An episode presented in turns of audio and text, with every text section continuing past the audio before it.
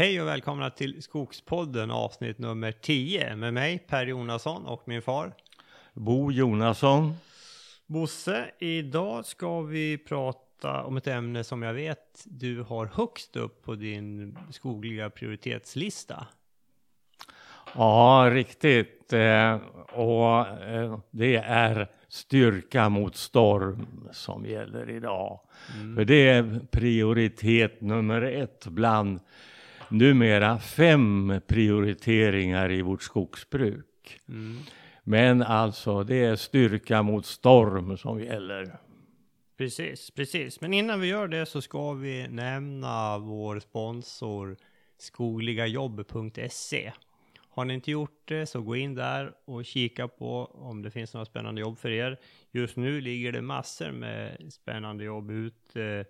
Det är SCA, Sveaskog, Norrskog, Holmen, Skogssällskapet och Stora Enso med flera som har många jobb ute där. Så in och kika där lite grann om det finns något för dig. Eh, en annan sak Bosse som vi kan väl bara, vi var ju på Virkesforum förra veckan. Några korta reflektioner därifrån. Eh, en av behållningarna ifrån det här, det var Göran Perssons inledning. Ja. Eh, han är en briljant talare och han dunkade in budskapet till publiken. Ja. Att bevaka skogens intresse är att inte låta Bryssel och politiker ta över handen utan vi kört vårt skogsbruk och vi hävdar skogsbrukets intressen. Mm. Jag håller med, det var riktigt bra. Han är ju, han, det här med retorik, det, det kan han. Han är en mästare faktiskt. Ja, en mästare. Ja, men det var ju väldigt trevligt i Virkesforum. Vi fick ju en pratstund med Göran Norlander från Södra och vi eh, pratade ju också, vi träffade Mats Nylinder också. Alltid spännande att prata med honom. Ja, där finns det mycket kunskap om skog och trä. Ja, det gör det. Det gör det. och sen hade ju Herman Sundqvist höll ju avslutande talet också. Ja, eh, och där ställdes en fråga, två frågor eller några frågor från publiken och där berördes detta med eh, älgbetningen och det stora problem som det förorsakar.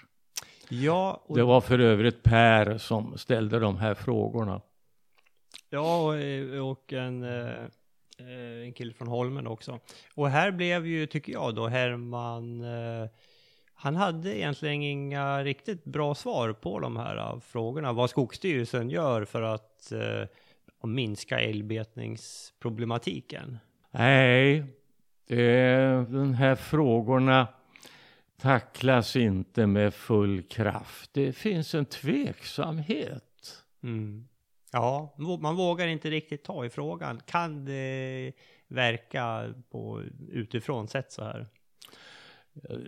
Man kan verkligen förvåna sig över att det här inte är en större fråga i debatten. Alltså. Ja.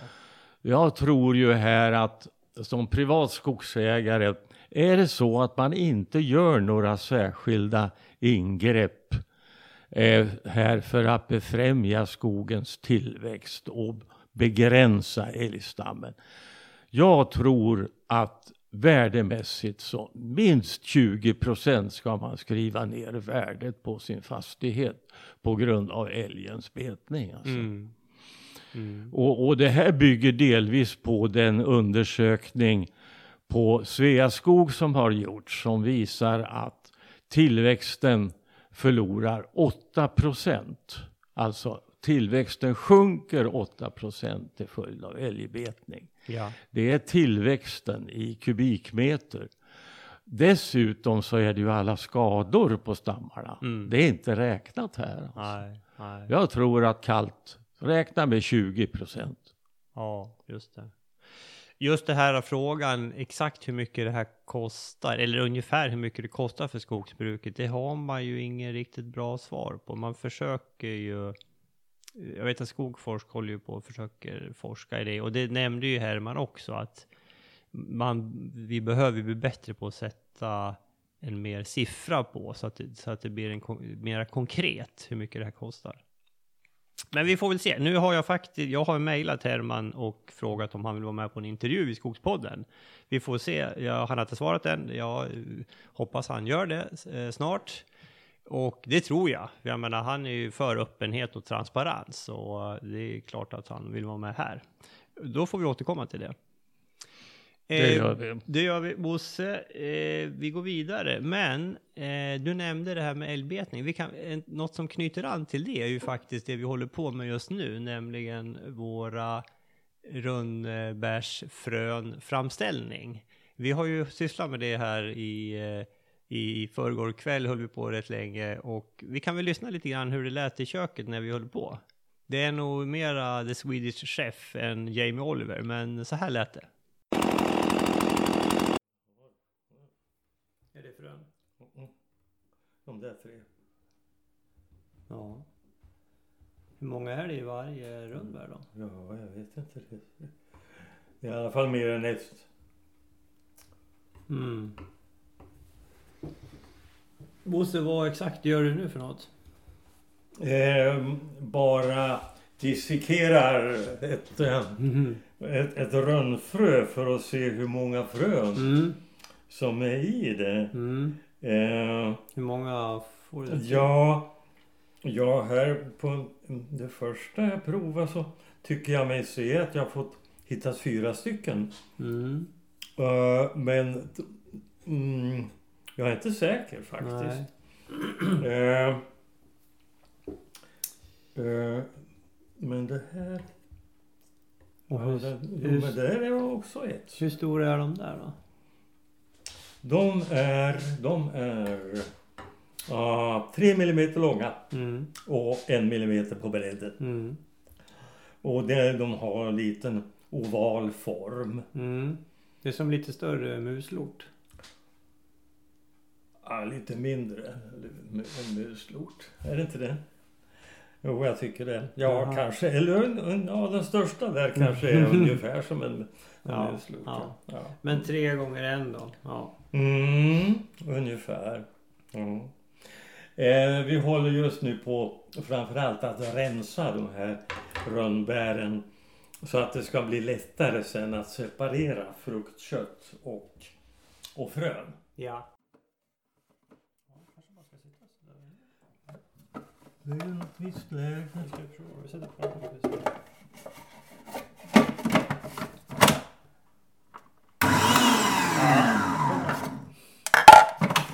Okej, Mm. hit it.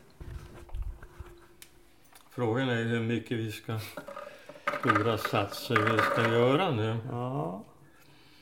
Du fick låna, vet ingen om det? Ja, jag var snällt.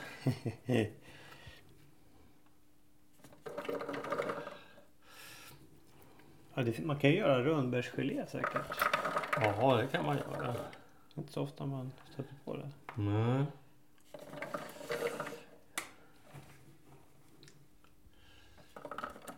Då kan du göra gelé på fruktköttet. Jaha, ja, just det. Jag tror vi nöjer oss med det där Ja, så länge. du har ju fyllt här eh, ja, en halv liter max kanske. Ja. I den här lilla. ja. Det är en ganska liten matmixer. Mm. Matberedare. Så, Sådär va. så på med locket. Ja. Ja. Mm, då kör vi då. Vad nu då? Nähä, det är typ Nej, så. Sådär, nu är det bättre kanske.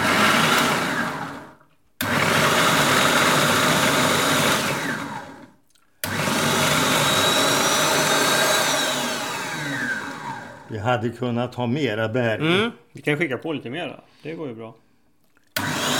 Kanske lite vatten nu då. Kanske. Mm. Mm, det ska ju köras mera, det, det är ju uppenbart. Jo. Och vi ska nog ha lite Jag tror vatten det. Och i. sen Mm, mm, lite mera bär också tror jag. mm. Ska vi skicka på lite mer?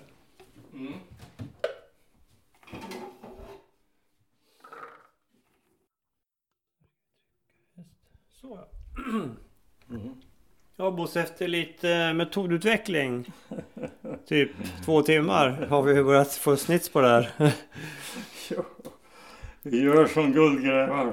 Ja, så tricket har varit att vi kör det lite längre i mixern och med lite mer vatten. Så att det blir en finare sörja. Sen har vi den här stora aluminiumkärlet som vi fyller då med sörjan och lite mera vatten.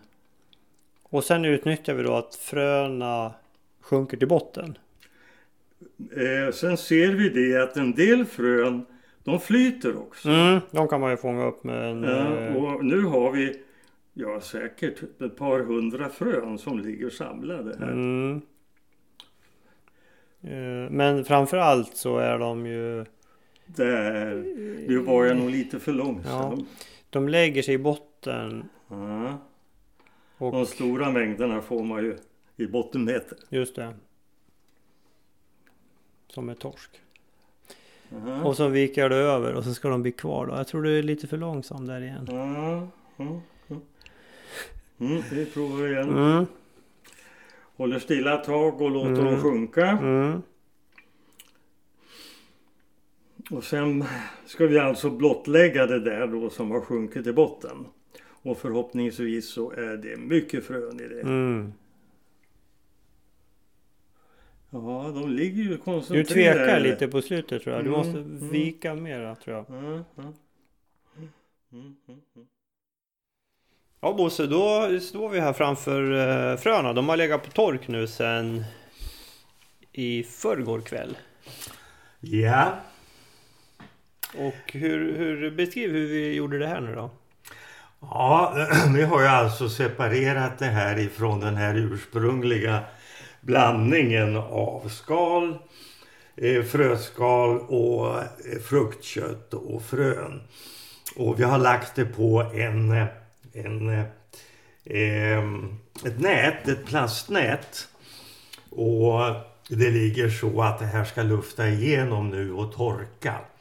För att det vi behöver göra ytterligare här det är att få bort de här resterna av framförallt fröskal. Mm. Och vi inbillar oss att vi ska kunna göra det bland annat med en, en fön, alltså någon typ av fläkt där jag tror att vi ska kunna blåsa bort en stor del av fröskalen. Mm. I vilket fall här så har vi många tusen eh, rönnfrö Mm. och det är det som är guldet i sammanhanget. Just. Eh, och eh, vi kommer också att lägga det här nu i våran skogsbäck. För att verkligen få eh, fröna rena från rester av fruktköttet. Mm. Fruktköttet innehåller groningshämmande ämnen. Ja, just det är viktigt. Och det måste alltså bort. Ja. För inga frön gror inne i sitt eget fruktkött. Nej. Exempel äpplen. De börjar ju, äh, äppelkärnorna börjar ju inte växa in i äpplet. Nej. Nej. Och det här är fortfarande lite fuktigt har vi märkt här så det, tar- det tar tid att torka. Har man ett eh, pannrum eller dylikt så skulle man kunna testa att lägga in det där. i Lite, varmare. lagom värme skulle ha varit positivt här. Det är Mm. ingen tvekan om det. Mm. Eh, Bosse, när vi, när vi höll på i köket då i förrgår kväll så vi fick ju ut- utveckla metoden lite grann. As Ja. we went along så att säga. Ska vi repetera lite grann vad vi har kommit fram till hittills hur man ska göra då för folk som vill testa det här hemma? Ja, vi tar hela kedjan då. Vi tar hela kedjan. Ja, till att börja med måste man plocka rönnbär. Yes. Och, och det har vi gjort nu i mitten på september. Ja. Då har vi bedömt att de är fullmogna. Mm. Och det här är ett rönnbärsår. Mm.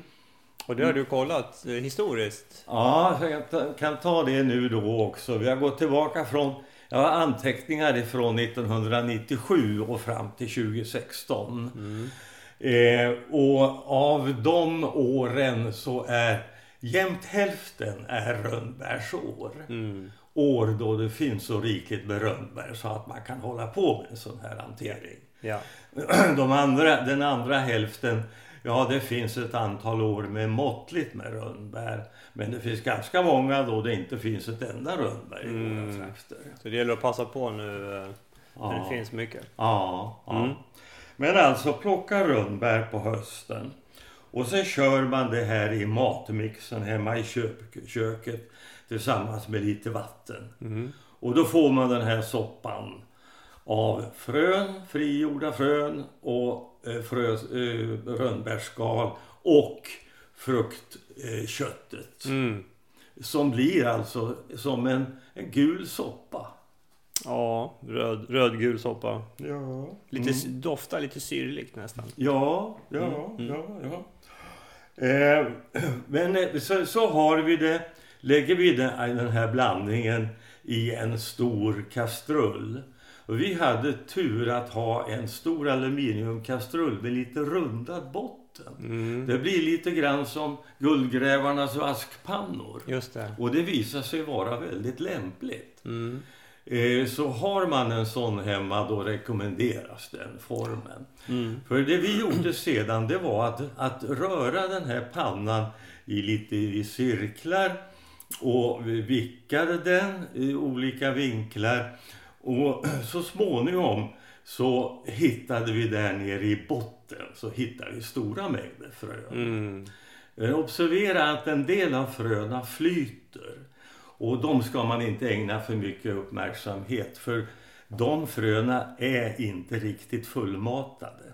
Nej.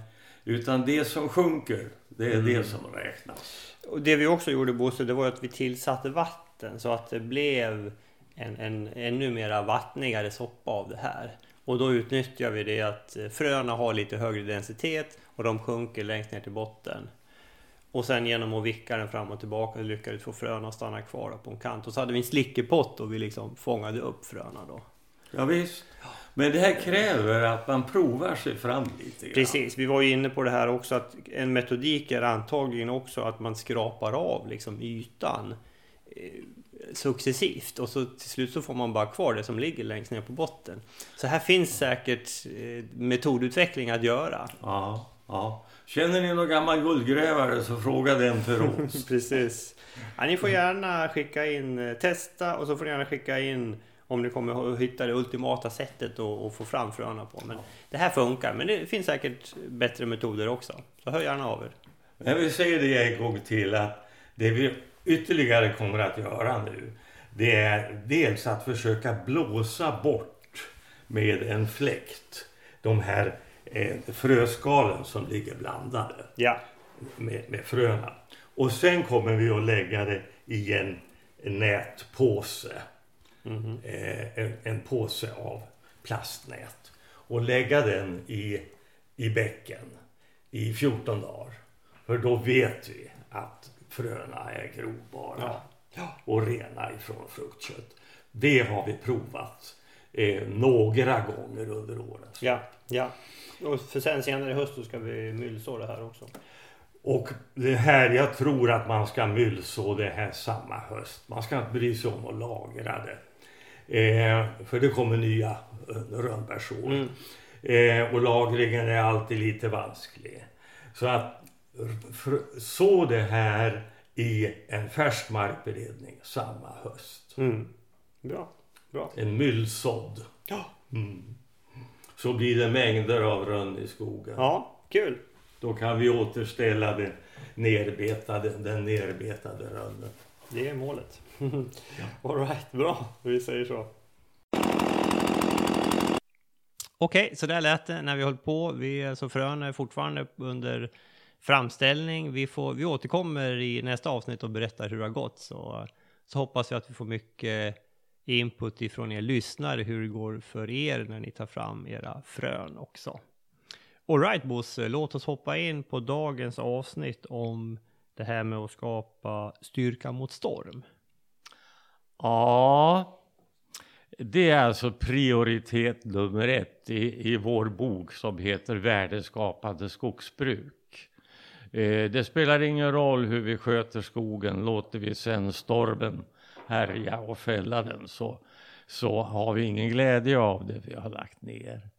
Och det finns saker att göra. Mer än vad man tror. Vi, vi har alltså, som exempel här kan jag berätta hur det var 2005 och 2007 i Vassemåla. Ehm, eh, Eh, det var alltså 2005 var Gudrun, 2007 var stormen Per. Och Vassemåla ligger inom området som drabbades av båda stormarna. Resultatet där nere på dessa 105 hektar produktiv skogsmark som det är där, det var det att det blåste ner ungefär 200 kubikmeter i vardera av de här två stormarna. Och Eh, jag vill inte göra någon direkt jämförelse med skogarna runt omkring, men generellt blåste det ner mycket mer än två kubikmeter per hektar eh, i hela området. Eh, möjligtvis så eh, bidrog vår skötsel till att minska det här i någon mån på Vassemåla. Eh, och det jag då främst vill framhålla det är att vi har aldrig där, aldrig ägnat oss gallringar i medelålders och äldre skog. Mm. Utan det har varit ett gallringsskede i ungdomen upp till 40 års ålder, 45 års ålder. Och sen inga gallringar. I, i många, många gånger så är alltså ogallrade skogar eh, stormfasta. Ja. Och det gäller även gran. Rena granskogar mm. är faktiskt riktigt hyggligt stormfasta. Mm. När man inte håller på och gallrar i dem. Nej. Efter var, varje gallring så har skogen ett svaghetstillstånd ja. i det här avseendet. Ja. Mm. Mm. Vi, ska, vi ska ju kanske lägga till att nu Vassemåla låg ju inte i epicentrum för varken Gudrun eller Per. Längre söderut var det ju högre stormstyrkor vid Gudrun framför allt. I framförallt i Gudrun. Per var ju faktiskt lite nordligare. Det kanske det var. Ja, ja. Men den var, den var inte lika kraftig. Nej, det blev ju inte det. Nej då, jag, jag, ska inte, jag ska inte lägga för mycket vikt vid det här med vår, vår skogsskötsel här. Men, men lite grann inverkar det, det tror jag faktiskt. Det tror jag med. Vi var, du och jag åkte ju ner precis efter Gudrun kommer jag ihåg och eh, det, det låg ju mycket skog och eh, jag, jag, jag tyckte mig se en viss skillnad mellan uh, hur vår skog såg ut och, och skogarna runt omkring. Lite skillnad var det nog. Mm. Men det, det, har ju med andra saker också att göra, ålder och så vidare. Mm. Ja, men vad, Bosse, här på Gusselborg vet jag att det här har du ju länge jobbat med uh, styrkan mot storm och där, där sker, det syns ju också på din skogsskötsel här. Ja, Uh, och, och, det som är märkbart bland annat det är det här frånvaro av gallringar i medelålders och äldre skog. Mm. Uh, våra, våra mogna granskogar innehåller ungefär tusen stammar per hektar. Mm. Och, och, det är tätt. Det är mycket, mycket tätare än i det vanliga skogsbruket. Och, och det här, det här har, har känts rätt. Mm. Men annars, det här att skydda sig mot stormar, det är ju väldigt mycket att skapa styrka mot västvindar och sydvästvindar. Ja. För det är ju från det hållet de starka vindarna kommer. Bland annat vid hyggesupptagning, att man inte har några färska hyggeskanter som är riktade mot väster eller sydväst. Det finns andra stormriktningar också, men väster och sydväst är värst mm. och starkast. Mm.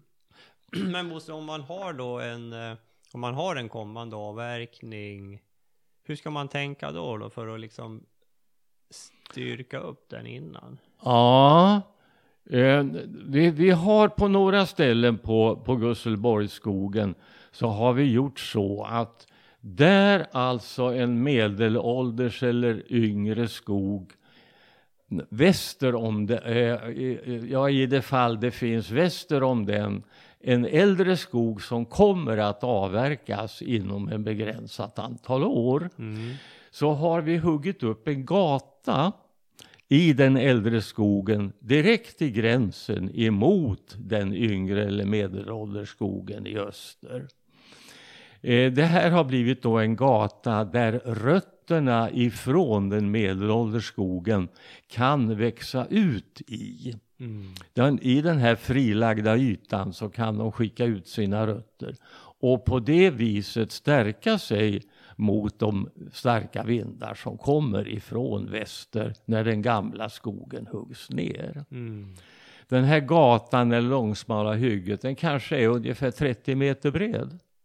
Ja. Och jag tror att det kan vara ett, ett skydd. Mm. Det här finns ju på ett antal ställen på skogen.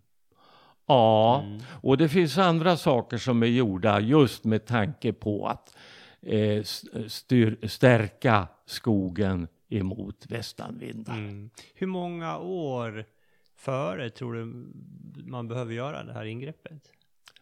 Jag tror att det i första hand är 8-10 år. Det, det är nog det som behövs. Mm. Nej, den där åtgärden kän, känns naturlig och rätt. Ja. Dessutom så har vi i några fall fått alldeles utmärkt kantföryngring ifrån den, den eh, gamla skogen. Just det, det blir mycket självsådd där. Mm. Ja, men vi lägger in några bilder på det där på vår hemsida kan ni se. Ja. Eh, jag tror inte heller att vi ska låta granskogen bli högre än 30 meter. För då är det en uppenbar risk för Mm. stormfällning. Mm. Och även om tillväxten är hög i granskogen, när den är 30 meter hög, så ska vi sluta verka den. Ja. Där vet jag Bosse, du har pratat om att vid tillfälle så ska vi försöka filma vid någon kraftig blåst hur, hur grantopparna rör sig i, i blåsten. Ja, det är en tanke som har dykt upp och inte vill lämna huvudet. Eh, jag, jag tänker mig att man står vid, i kraftig blåst och filmar inne i beståndet hur kronorna rör sig. Ja. Jag har inte hört att det är någon som har ägnat sig åt något så befängt. Men jag tror, jag tror, eller hoppas snarare, att de här kronorna, att de krockar och dämpar varandras rörelser. Mm. Det borde kunna vara så i viss utsträckning. Ja. Mm. Nej, men det där får vi eh, återkomma till. Eh, men annars, det här att, att stärka eh, den västra utkanten av, av skogen, alltså det, det är A och O när det gäller det, det här att, att stärka den.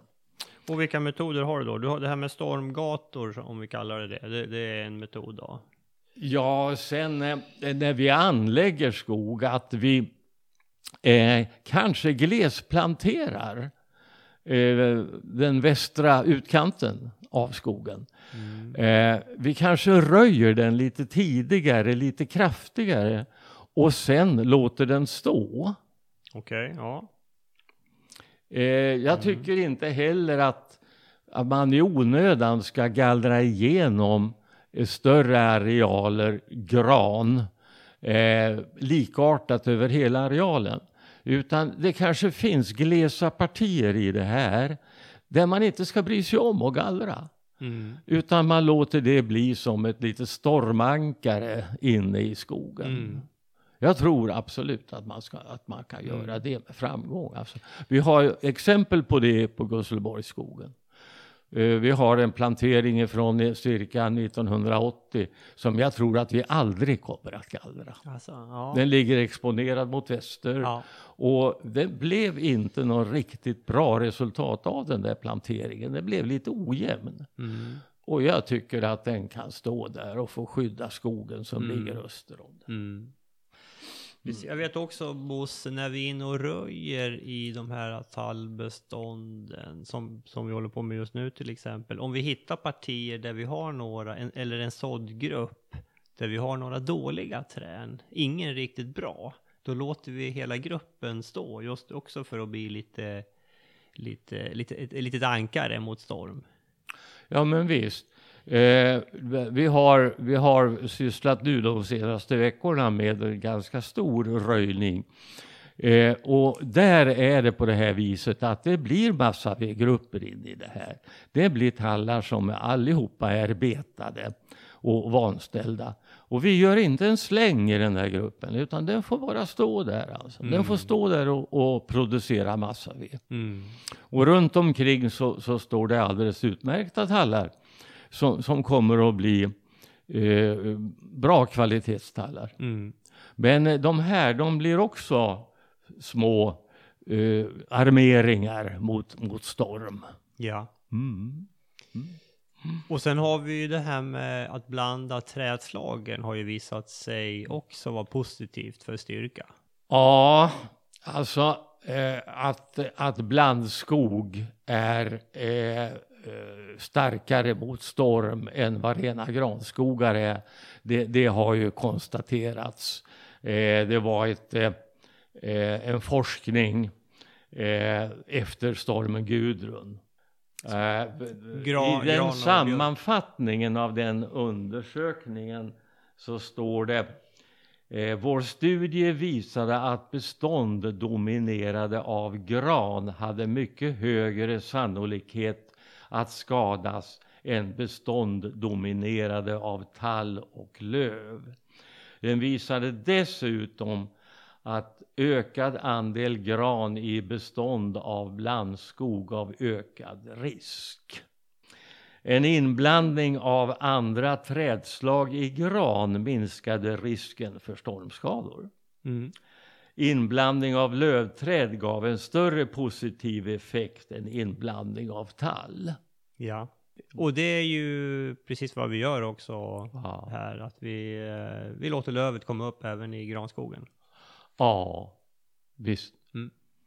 Vi har ju det här då på, på um, här exemplet där vi röjer första gången nu i en plantering och där orden är att det ska vara slutresultatet av röjningen ska vara två tredjedelar gran och en tredjedel löv i beståndet. Ja. Och så blir det ju lite eh, asp och rönn och sånt också. Ja, ja. Mm. Mm. Mm. Har du mera saker? Det finns ett starkt samband mellan rotticka, förekomsten av rotticka och förekomsten av stormfällning. Ja. För de ruttna granarna, det är de första träden som faller i stormen. Ja. Och då bildas det luckor som i sin tur kan ge upphov till eh, fällningar. Det här är början på en ond cirkel faktiskt. Men Mm. den går vi inte in på nu därför att den hör hemma i nästa program som vi tänkte skulle handla om granens rotröta. Ja.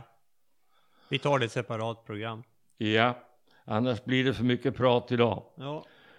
Eh, Men det finns ännu några, några punkter till att säga om det här med styrka mot storm. Mm. Eh, gallra granen på vintern på frusen mark i den mån du, marken fryser numera. Men försök att gallra den under vinterförhållanden. Och det är för att undvika skador på mark och även eh, minskad exponering mot rotickan. De två sakerna, ja. Ja. Mm, mm. Mm. Och sen tycker jag att man ska anpassa gallringsformen efter förutsättningarna. Mm. Eh, orörda täta bestånd ska inte höggallras. Eh, sen eh, kantföryngring är, är jag ganska svag för. Mm. Ehm, eh, man, man kan mycket väl tänka sig att man låter att man utvidgar ett befintligt hygge västerut. Mm. På det viset så skapar man en zon där fröna från den gamla skogen som finns då i väster blåser ut över en frilagd mark. Och eh, det här som föryngringsalternativ har, har sina fördelar. Eh, man slipper det här med stormfällning i fröträdställning. Mm. Och eh, den här hyggeskanten som då flyttas västerut, den är ju hela tiden lä av den, en del av beståndet som fortfarande står kvar. Ja. Eh, och jag tänker sig kanske framförallt på ytfuktiga marker där fröträden har svårt att stå. Mm. Att det här kan vara en metod. Det här eh, användes ju i gamla tider och kunskapen har funnits i tidigare generationer. Mm. Ja, nej, men det här är ju absolut ett sätt att föryngra på. Det är ju ett av de här hygges, kallas ju ett av de hyggesfria metoderna. Hur Ja. stor, eh, hur bred eh, zon Ja, man, du det har, där? man har ju pratat om en trädhöjd. Mm. Men det, låt oss säga att, att det är fråga om en 30 meter som man kan ta Ja. åt gången. Eller kanske lite mera. Det, det, det tror jag också Ja. faktiskt. Är, särskilt om det är en ytfuktig mark. Så. ja. 30 till 50 meter kanske? Ja, ja. Ja. mm, det, det tycker jag Mm. kan, kan vara, kännas rätt. Mm. Eh, Jag tycker i alla fall att eh, skogen, man, man, ska, man ska se den som, man ska se sin skötsel så att man skapar eh, en, en, en skog som är en fästning mot starka vindar. alltså. Ja, ja. Så man måste hela tiden tänka vad finns i väster och i sydväst och hur kommer det se ut om jag gör en åtgärd här? Hur kommer det se ut under många år? Ja, Eh, En sak som vi brukar göra som du inte har nämnt tror jag, det är ju det här med att eh, plantera sibirisk lärk. Gärna lite grann i väster. Om stormarna kommer på vintertid Ah, oftast. ah. Då, då, då kanske lärken den står där utan barr då. ja visst, det, det är ju faktiskt en åtgärd eh, eh, också kan vara värt att överväga. Jag tror inte att lärken är särskilt stormfast i sig, men i och med att kronorna är fria från barr under vintern Mm. så är det i alla fall ett mindre vindfång än tall och gran. Och vi har ju faktiskt planterat det inom ett område i västra delen av skogen. Mm. Gärna i kombination med, med björk då också kanske. Ja, ska, kan man mycket väl tänka sig. Mm. Eh, för de kan ju matcha varandra i höjdtillväxt. Ja, just det. Mm. Mm. Det finns ju ett ställe på skogen Bosse här där du har drivit det här med att skapa en stormfast skog till sin spets skulle jag vilja säga. ja. ja.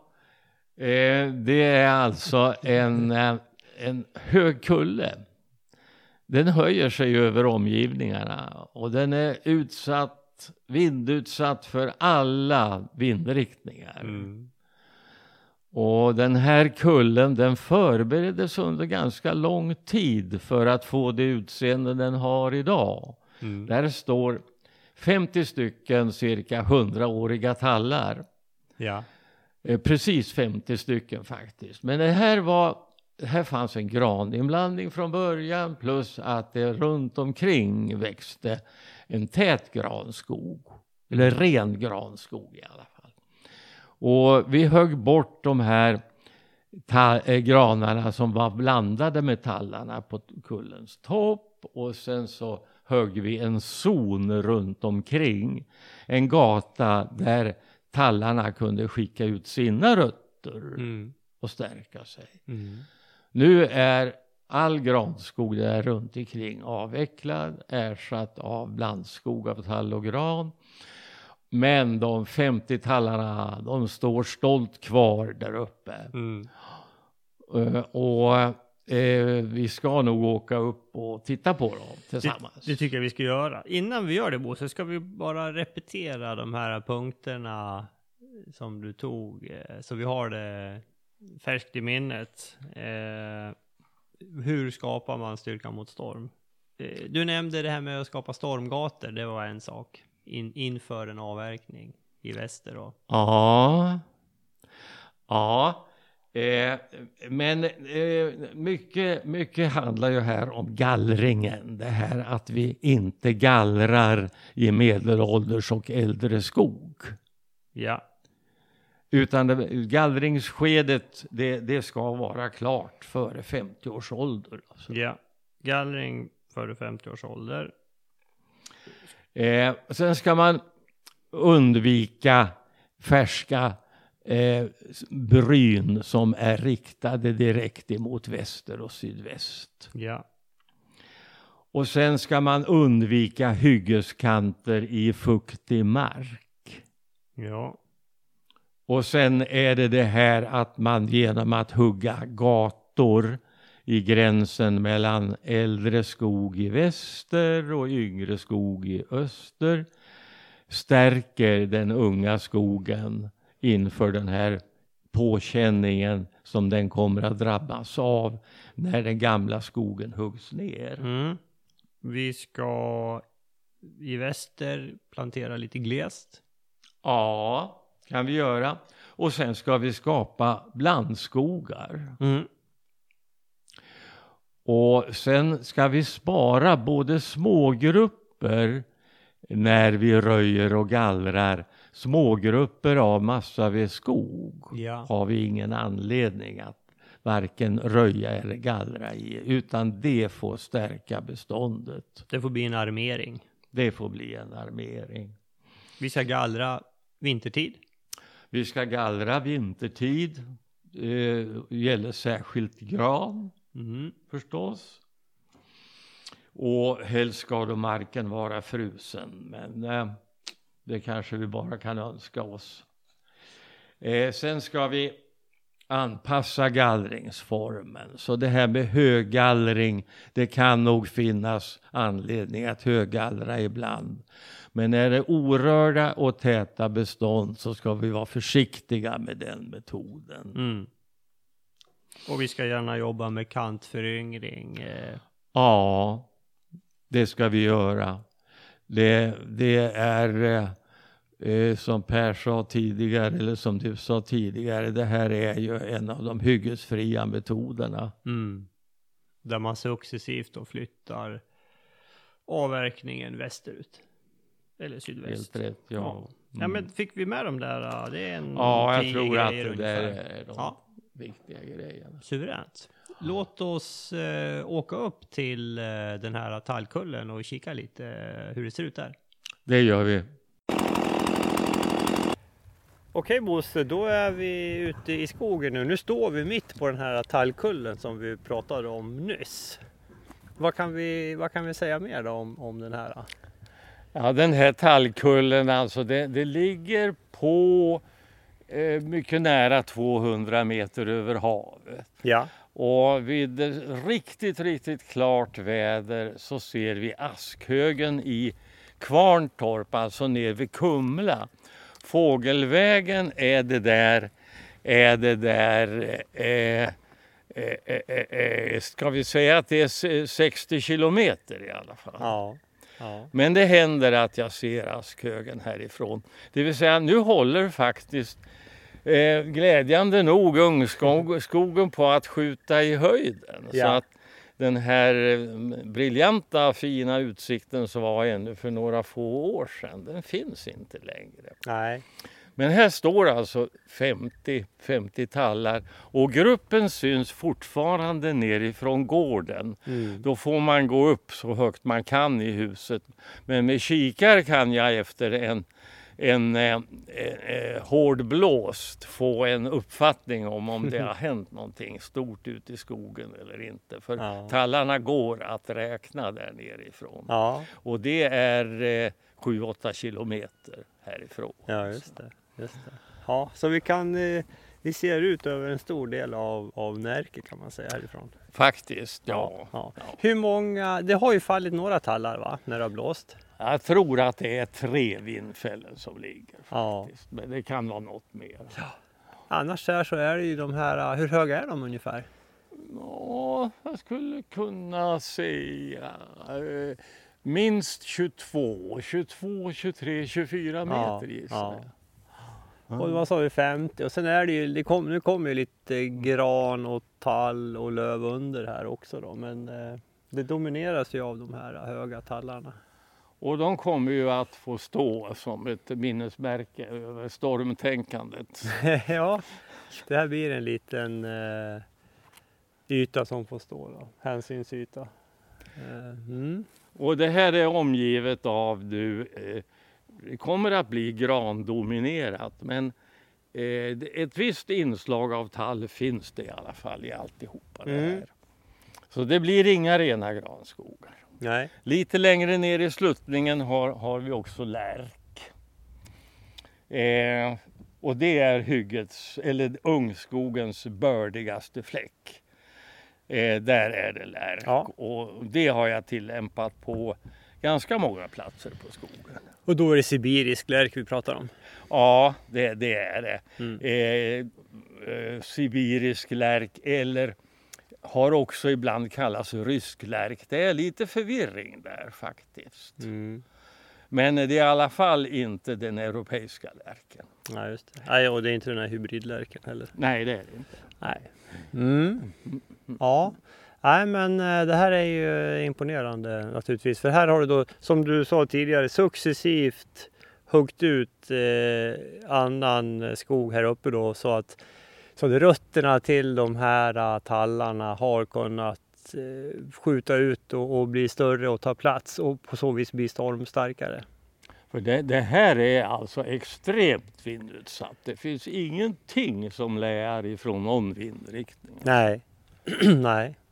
Och vi ska ju också säga det att det här med stormtänkandet, alltså det här med starka bestånd, det är ju extra viktigt när vi har det här hotande klimatförändringen framför oss. Alltså. Mm. Ja, det är ju snarare ett faktum. Ja, ja, ja det, det, vi, vi är mitt i det. Vi är mitt i varmare vintrar som gör att eh, det fryser inte i marken och på vintrarna är det ofta som stormarna kommer och då blir det större risk för stormfällning helt enkelt. Helt klart är det så. Mm. Mm. Ja, eh, vi, vi absorberar så mycket koldioxid vi kan. Ja, det, det gör vi. Ja, men ingen bör, bör dra sig för att verkligen planera för, ett, för framtida stormar. Alltså. Nej. Det, det är kolossalt viktigt för skogsbruket. Ja, det är det. Och inte helt enkelt eftersom du måste, du måste ha en planeringshorisont då när du gör dina avverkningar och dylikt på, på, på kanske tio år då. Så tio år innan du ska göra en avverkning så måste du börja planera för den. Och det är klart att eh, det, det, det kräver ju en hel del eftertanke. Och man ska vara, vara observant på det, alltså, det är inte bara de stora stormfällningarna, alltså Gudruns dignitet och liknande, utan det är de här stormarna som fäller enstaka träd ut i skogen. Som, som fördyrar driften och försvårar planeringen. Alltså. Ja.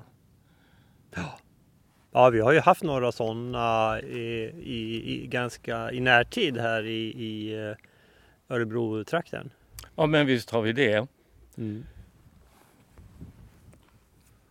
Det flög förbi en spillkråka. Just det. Eh, Den hade ärende till någon av de här tallarna kanske. Ja. All Alright, men då Bosse, jag tror vi sätter punkt för dagens program då. Vi, eh, nästa program så blir det nog eh, om eh, rotröta hos granen, tror vi. Men och där, där sa vi Bosse, ledningen för Skogspodden, det vill säga du och jag, kom, vi sa så här att vi från och med nu så kommer vi gå över och köra ungefär var tredje vecka istället. De första avsnitten här har vi ju kört varannan vecka men eh, nu går det över till att köra var tredje vecka istället. Så vi, vi hörs om tre veckor igen. Hör gärna av er med eh, frågor, funderingar och idéer på program. Tills dess. Tack så länge. Tack ifrån mig också. Tack för att ni lyssnar.